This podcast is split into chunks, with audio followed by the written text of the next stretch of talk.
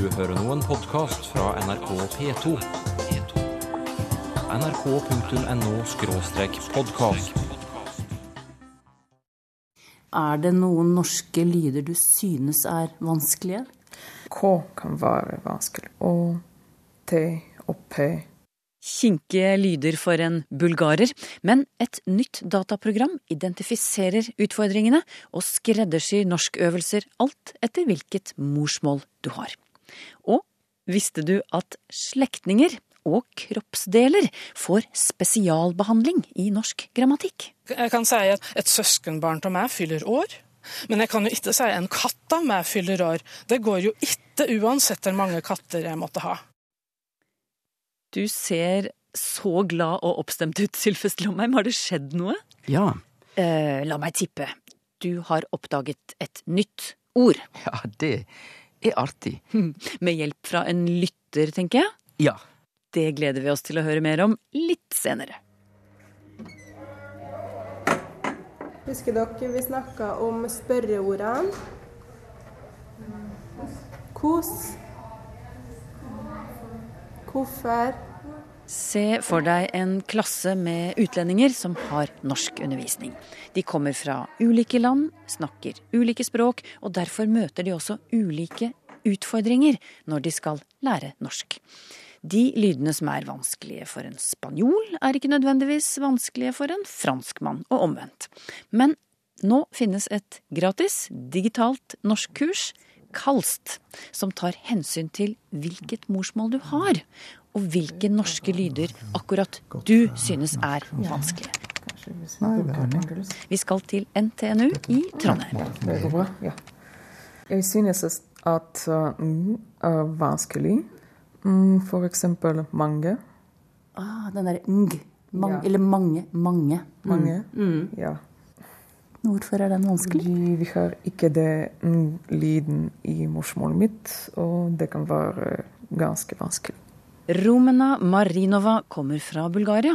Og for en med bulgarsk som morsmål er det noen norske lyder som er spesielt utfordrende. Jeg synes at uh, også K kan være vanskelig. Og T og P. Godt fra norsk. Sånn ja. Så vi kan nå registrere deg som bruker med å skrive inn navnet ditt, Romina. Skal jeg skrive det? Ja, gjerne. Det er prosjektleder og fonetiker Jacques Korman som hjelper Romena med å få i gang dataprogrammet. Ok, Og så nå må du velge Ja, ditt morsmål. Ja. Og morsmålet mitt er bulgarsk. Det er viktig at hun registrerer morsmålet sitt, så programmet kan skreddersy øvelsene til akkurat hennes behov. Og her ser du hvilke lyder vi forventer kan være vanskelig for deg, eller utfordrende. Fordi det er lyder som forekommer i norsk, men ikke i bulgarsk. Og på skjermen har dataprogrammet identifisert bl.a. de lydene Romena nevnte i sted. P, t, k og ng, som i mange. Så jeg tror i, i bulgarsk forekommer ng, men bare foran g eller k. Og derfor sier hun mange. Det er ikke noe problem. Men å si mange men bare ng, det er vanskelig. Så da er det viktig å gå gjennom øvelser som sammenligner ng f.eks. med nø eller med mø, slik at man kan vane seg til disse ordene, høre forskjellen. Stang, Stang, stand, stand, ting, ting, tinn, tinn. I en boks på skjermen står ordet ting skrevet. I en boks ved siden av ordet tinn. To lyder som er vanskelige å skille fra hverandre for rommene. Når hun klikker på en av boksene, vil en stemme uttale ordet riktig. ting, Hun kan også velge å høre ordet først, og så klikke på den boksen hun mener har det riktige ordet. bra, Velger hun feil ord, blir hun korrigert. Det høres jo selvfølgelig ut at man hører forskjellen, ikke sant? Men når man er ikke vant til å høre en lyd i i en viss posisjon, da hører vi den kanskje ikke. Eksempel um, når du tar en tysker som ikke har stemte plosiver på slutten av en stavelse, som eksempel i rad RAD. Det vil en tysker uttale som rat. Og han er ikke vant til å høre en dø der, så vil kanskje også uttale en t. Så disse øvelsene hjelper de som vil lære seg norsk, å høre lyder som de er vant til, i posisjoner som de ikke er vant til. Mm. Um, en vietnameser bruker F, men bare på starten av en stavelse. Når lyden forekommer på slutten av stavelsen, da vil han si det er feil. Så f.eks. ordet 'stoff' vil han kanskje høre som 'stopp', og derfor også uttale som 'stopp'. Så det å høre det riktig er første, første skritt i å uttale det korrekt også. Det jeg lurer på er, dette programmet, da eh, Romena fortalte eller skrev, tastet inn her at hun var fra Bulgaria, mm -hmm. så kommer det opp OK, da har du nytte av å øve på disse og disse og disse lydene på norsk. Mm -hmm. Men hvis hun hadde vært spansk, så hadde programmet foreslått noen andre øvelser. Hvordan, hvordan vet programmet hva det skal foreslå? Ja, så bak programmet ligger en uh, stor database med 500 språk, med et lydinventar.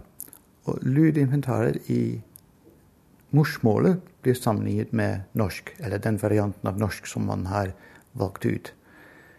Og ut fra dette kan man forutsi hva som kunne være vanskelig for en person som vil lære seg norsk. Når dataprogrammet skal sammenligne lydene i ulike språk, henter det informasjon fra to digitale språkkart. Ett kart for vokaler og ett for konsonanter. Og her har jeg f.eks. en sammenligning mellom mandarin-kinesisk og norsk. Ja, Det er delt opp i forskjellige ruter, og så er det noen som er blå, og noen som er grønne, og noen som er røde. Og det er forskjellige symboler for forskjellige lyder i disse ulike rutene. Mm -hmm. Så dette kartet det er en kart som alle fonetikere gjenkjenner. Det baseres på det internasjonale fonetiske alfabetet. Og vi har alle konsonantlyder her i dette kartet. Vi har også en, et kart med vokallyder. Men i konsonanttabellen kan man se fargene. Um, blå er lyder som bare forekommer i morsmålet, i mandarin-kinesisk i dette tilfellet. Grønn forekommer i begge to. Og rødt bare forekommer i norsk, men ikke i mandarin-kinesisk. Så dette er sannsynligvis lyder som en kineser kunne ha vansker med. Mm. Kan du gi oss ett eksempel ut ifra det du ser på dette kartet? Ja, f.eks. lude vø, som i vann. Det er ikke kjent uh, i mandarin-kinesisk. Og det vil være vanskelig for kinesere å uttale ordet vann. De vil uttale f.eks. one. De har v, men ikke v. Så vann, eller lyden v, det vil være blant de øvelsene som programmet foreslår for en kineser som skal lære seg norsk, da? Ja det dataprogrammet du har demonstrert en liten bit av nå, da, det lærer jo bort andre ting også. Det lærer jo bort ord og setninger og dialekter, bl.a. Men hvorfor legger dere så stor vekt på dette med lydene? Ja, det er fordi norsklærerne ikke har så mye tid til å bruke på uttale i undervisningen, fordi det er så mange ting en må lære når man lærer seg norsk. I tillegg er det selvfølgelig ikke mulig for en norsklærer å kjenne til 500 språk. Så Derfor er det bra at vi kan bruke en database som vet hva slags problemer uh, utlendinger vil ha når de lærer seg uh, norsk, avhengig av morsmålet. Hvilken rolle spiller lydene da, når vi skal eh, lære oss et fremmedspråk, som f.eks. norsk? Ja, mange, mange sier at uh, det er så mange andre ting som man eh, må lære. Ikke legge altfor mye vekt på uttale. Jeg synes man, man, må se på det omvendt. Fordi hvis du ikke kan uttale ordene, da kan du heller ikke lage en setning. Da kan du heller ikke kommunisere. Så da kommer du aldri så langt at du kan lære deg ordentlig norsk. Og Derfor er det viktig å starte med uttale, samtidig med at du lærer andre ting viktig å beherske lydene. Det mente Jacques Korman, professor i fonetikk ved NTNU i Trondheim. Det digitale norskkurset har altså forkortelsen KALST. Som nevnt er det gratis. Og hvis du har lyst til å teste det, da bruker du søkeordene Kalst, C-A-L-S-T, og NTNU, så finner du det på nettet. Og nå grammatikk. Nettopp. Visste du at slektninger og kroppsdeler får spesialbehandling i norsk grammatikk? For når du skal uttrykke eiendomsforhold, går det et grammatisk skille mellom det som ligger mennesket nært, som en arm eller en bror, og det som ligger mennesket fjernt, som en sykkel for eksempel. Dette er ikke eh, grammatikk vi lærer på skolen, dette kan vi bare, uten at vi tenker over det. Så hva går det ut på? Marit Julien, eh, språkprofessor ved Universitetet i Lund i Sverige, forklar først hva vi mener med å uttrykke et eiendomsforhold. Ja, Vi uttrykker eiendomsforhold med det vi kaller eiendomsuttrykk, eller konstruksjoner som uttrykker tilhørighet, om du vil. Og De uttrykker generelt kan vi si, en relasjon mellom en eier og det som den eier. Og Et eksempel på dette er jo sykkelen min, sykkelen hennes Kari. Men det vi uttrykker med slike konstruksjoner, det er ikke bare eiendom i snever forstand. Med eiendomsuttrykk kan vi uttrykke nesten hva som helst som relaterer seg til noe annet. Jeg kan si f.eks. nabolaget mitt og forfatteren min. Og det er jo klart at det er mange som bor i det samme nabolaget, og det kan være mange som har den samme favorittforfatteren. Så det som gjør at jeg kan kalle både nabolaget og forfatteren for min, det er at det er en relasjon mellom dem og meg. Et forhold mellom dem og deg. Ja. Ja. Og at eiendomsforhold der kroppsdeler eller slektninger er involvert, at, at de får spesialbehandling i grammatikken. Hva ligger i det, egentlig? Ja, Det ligger det at eh, vi kan uttrykke oss på flere måter når det gjelder kroppsdeler og slektninger, enn vi kan med eiendomsuttrykk generelt. Og nå er det jo slik at det finnes jo mye variasjon i norsk når det gjelder eiendomsuttrykk.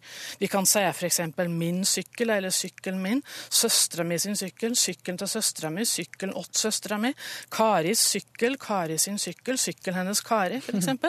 Men eh, samtidig så ser vi da at eh, eiendomsuttrykk som involverer kroppsdeler og slektninger, de gir enda flere muligheter enn det som finnes generelt. da. Ja, og nå tror jeg vi må få noen utvalgte eksempler på, på disse spesielle tilfellene med, med kroppsdeler og slektninger. Kanskje du kan ta noen eksempler på, med slektninger først? Ja, vi kan jo ta f.eks. det at ord for slektninger det kan vi bruke i bestemt form på denne måten. Eh, Lisa gikk på tur med søskenbarnet sitt. Og når vi hører det, så tenker vi ikke noe spesielt om hvor mange søskenbarn og Lisa har. Det kan være ett eller flere. Men sier vi f.eks.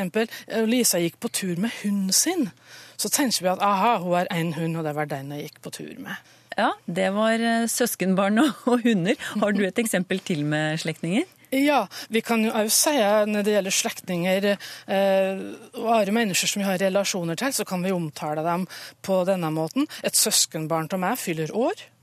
For eksempel. men det kan vi da bare med de som vi har flere av. Vi kan ikke si en far av meg fyller år.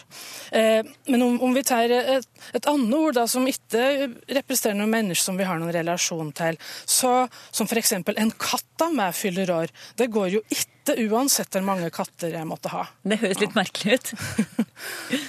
Et tredje eksempel med slektninger er at ord for slektninger de kan faktisk eh, uttrykke flertall, på en måte, selv om de står i, i entall. F.eks. om vi sier at jentene er hos faren her jul, så kan det bety at de er hos her sin far. Ja. Men sier vi at jentene har gått for å se til hesten, så tenker vi vel helst at, de har, at det er en og samme hest de har gått for å se til. Mm. Men i jentenes tilfelle kan det både være en felles far, eller at de har hver sin far.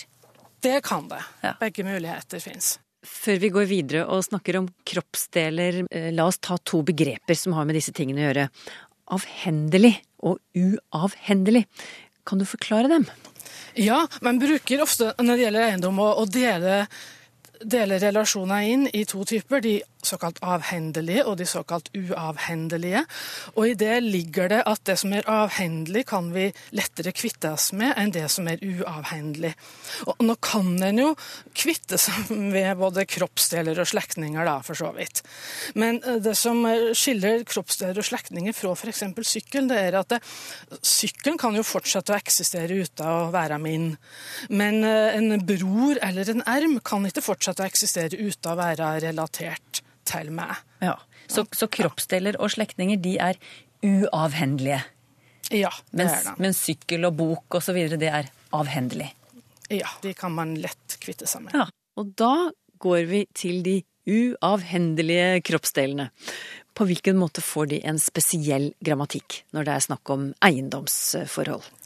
F.eks. ved kroppsdeler så Altså preposisjonen 'til' er jo vanlig brukt eh, ved, i eiendomsuttrykk. Mm. Broren til Kari. Ja. Men ved kroppsdeler så, kan vi ofte, så bruker vi ofte preposisjonen 'på', selv om kroppsdelen ikke er plassert på noe, egentlig. F.eks. 'Sanna bles i auga på oss'. Eller 'hun la seg i erma på jenta'. Nå brukes jo på for en del abstrakte eh, relasjoner òg, som vi vet. Men sier at flaska står på bordet, så er det oppå bordet den står, og ikke på sida eller noe Ja, sånt. Så da er det fysisk plassert oppå. Det må den være, da. Ja. Mm. Har du et eksempel til med, med kroppsdel, kanskje? Ja, Noe som er litt rart, er at om en kroppsdel er objekt i en setning, så kan den kroppsdelen bytte plass med eieren av kroppsdelen, om jeg skal kalle det det, uten at, det, betydninga blir forandret. Om vi tar f.eks. en fot, vi kan si at jeg tråkker på foten hans Ola, det er foten-objekt. Men jeg kan òg si at jeg tråkker en Ola på foten. Og der har han Ola som objekt i stedet, så han kan gå inn i selve foten sin, kan du si, som objekt. Men hvis du skulle bruke det samme prinsippet gi et eksempel hvor det ikke går an, da? Ja, Vi kan jo ta foten på juletreet, da, f.eks. Kan- jeg kan si jeg tråkker på foten på juletreet, men jeg kan jo ikke si jeg tråkker juletreet på foten. Det blir iallfall nokså rart. Det blir nokså rart, ja. Jeg er enig. Og på samme måte så kan vi si at jeg klaup kjakan på gutten, eller jeg klaup gutten i kjakan. Mm. Men vi kan ikke si vi kan si jeg slukte lampa på pianoet, men det kan vi ikke bytte ut eh, pianoet med lampa og si jeg slukte pianoet på lampa. Det blir veldig merkelig. Det blir kjemperart. Så kroppsdeler tillater konstruksjoner som eh, andre typer substantiv ikke er. Det var noen få eksempler på hvordan kroppsdeler og slektninger, altså det uavhendelige, har sin egen grammatikk når vi uttrykker eiendomsforhold. Er dette spesielt for norsk språk? Nei, det fins mange språk som gjør et tilsvarende skille mellom det som er avhendelig og det som er uavhendelig, og behandler de typer ulikt i grammatikken. Men her grensa går mellom det uavhendelige og det avhendelige, det kan variere fra språk til språk og fra kultur til kultur. Vi kan ta et eksempel fra tokkelauvisk, f.eks., som er et polynesisk språk. Og det vil være sånn, om vi ser det fra en manns synsvinkel, da, at arm og kone og båt blir behandlet i grammatikken som uavhendelig. Altså både ermen og kona og båten er noe som en ikke uten videre kvitter seg med. Aha, så båten har samme status som en kroppsdel og en, en slektning. Båten er kjempeviktig og har en spesiell status Ja. i den kulturen. Det er ikke bare i vårt språk at det uavhendelige som slektninger og kroppsdeler får spesialbehandling i grammatikken. Det skjer mange andre steder i verden også. Det fortalte språkprofessor Marit Julien ved Universitetet i Lund i Sverige. Sist du var her, Sylfest Lomheim, snakket du blant annet om ordet øyemed. Og flere lyttere savner en forklaring på leddet med i øyemed. Så det må du oppklare. Ja, og lytterne har helt eh, rett når de sakner det. For jeg, jeg sa det så kort at alle måtte tro at jeg mente med var bare med det for øya, altså en preposisjon. Og det er det jo ikke. Dette er litt mer komplisert enn som så. Fordi i øyemed, der er det ikke preposisjon med vi har å gjøre med, men et gammelt ord fra norrønt. Et med, det er et Fiskemed blir ofte snakka om. Det er, et, det er en plass der du fisker, og da sikter du mellom to punkt. Og når du er i den linja der, så veit du at da er du der du skal være. Slik at Et med det er egentlig i slekt med middels og midtlinje. Det er altså et sikt, rett og slett. Asbjørn Sævland forteller at han reiste til sjøs i unge år. Og når man var i åpen sjø, f.eks. over Atlanteren eller Stillehavet, skriver han, ble klokken stilt slik at navigatørene kunne ha solen i senit klokken tolv. Det at klokken måtte stilles på denne måten, det kalte de for pinsing, eller å pinse klokken. Og han syntes det hadde vært morsomt å høre hvordan dette uttrykket har oppstått, hva det kommer av. Og da må jeg jo bare takke Asbjørn Sævland, fordi han da har fått meg til å øke min ordkunnskap, for dette verbet kjente ikke jeg fra før. Men når de pinser klokka, og drev med pinsing, så er det rett og slett fra det engelske verbet to pinch, p-i-n-c-h, og det betyr på godt norsk å klemme, så de har vel klemt på noen knotter da, eller et eller annet for å stille klokka. Og jeg trodde jo at dette, vel, da må det være typisk sjømannssleng, og dette står nok sikkert ikke i norske ordbøker, men der tok jeg også feil.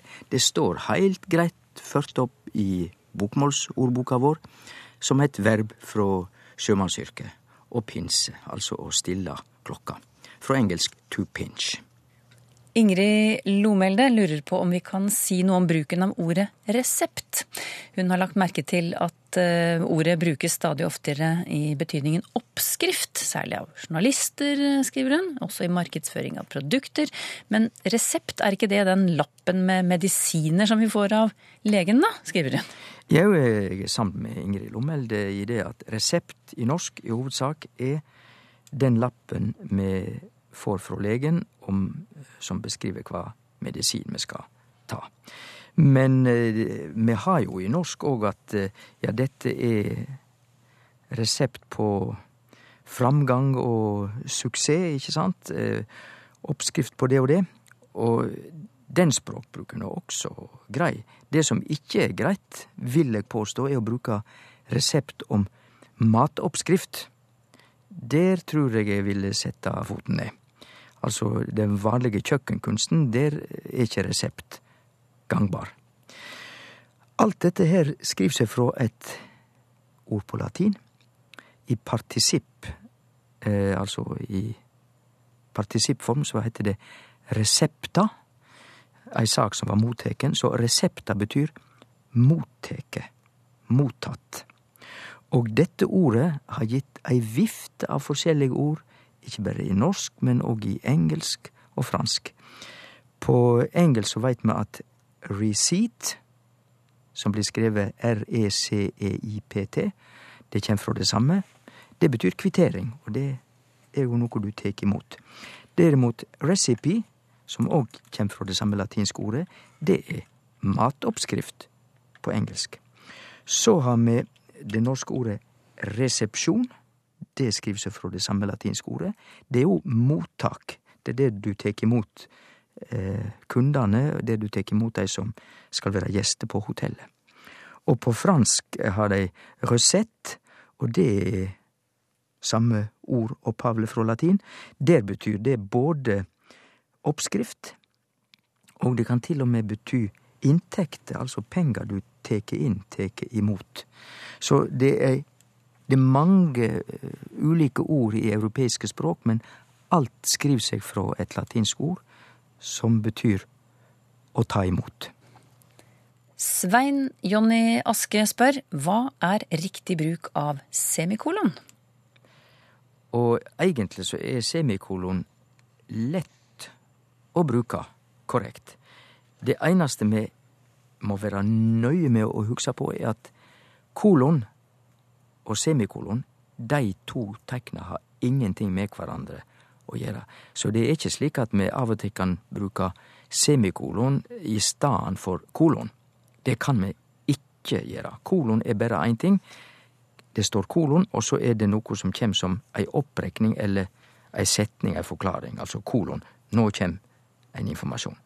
Men semikolon, det kan vi bruke i staden for punktum, og faktisk også i staden for komma. Og da, eh, skal jeg gi et dømme på det. Det regner ikke i dag. Punktum. Vi kan gå ut. Punktum. Der høyrer me at vi kan sette disse to sammen. Det regner ikke i dag, komma, vi kan gå ut. Punktum. Og i dette tilfellet kunne vi også heilt klart bruke semikolon. Det regner ikke i dag, semikolon, vi kan gå ut. Så egentlig bruker vi semikolon der det er to setninger som vi kunne ha skilt fra hverandre med punktum. Der kan vi også, for å få mer flyt i språkbruken i teksten, så kan vi sette semikolon i stedet. Men hvorfor ikke bare sette et komma, som jeg forstår man også kan gjøre? Og det kan du også gjøre, ut ifra den regelen at det er lov å sette to enkle setninger sammen, og i stedet for punktum bruke komma. Hva skulle vitsen være med semikolon da? Nei, det eh, kan du si. Det er mange som ikke bruker semikolon. Men eh, jeg begynte å bruke det en del fordi eh, det, det varierer synsinntrykket når du leser en tekst. Mm. Men betydningen blir det samme ut, ellers? Altså om du bruker kolon eller semikolon, så uttrykker du ikke noe annet Nei. med det ene? Nei, du uttrykker egentlig Du signaliserer egentlig bare litt mer flyt i lesemåte og i oppfatning mellom to setninger som ellers kunne ha vært skille fra hverandre med punktum. Arvid Sakseide grunner over ordene gjenge og gjengs, eh, og han viser til eh, forgjengelig, utilgjengelig, i godt gjenge, gjengs, eh, oppfatning, skruegjenge. Hva er dette for slags ord, egentlig? I alle disse orda som du nevner der enn i brevet, så er det ett ord, ett verb, som ligger til grunn for alt. Det er nemlig å gå. Og eh, vi veit jo at eh, ei gammel form av å gå er i nåtid det gjeng i stedet for det går. Slik at når det er gjengs oppfatning, så er det ei gående oppfatning, altså ei vanlig oppfatning. Og i godt gjenge, da, da går det fint. Det går godt. Og eh, tilgjengelig, da kan du komme til det. Du, du går til det. Og skruegjenge, da må vi sjå for oss dette mønsteret på skruen som går eh, nedover. Det er laga inn i skruen, og det er det som gjør at skruen går inn slik han skal. Vi går nå inn i siste uke av Sorry, før Goa overtar. Mer om de gamle norrøne månedene i neste utgave av Språkteigen.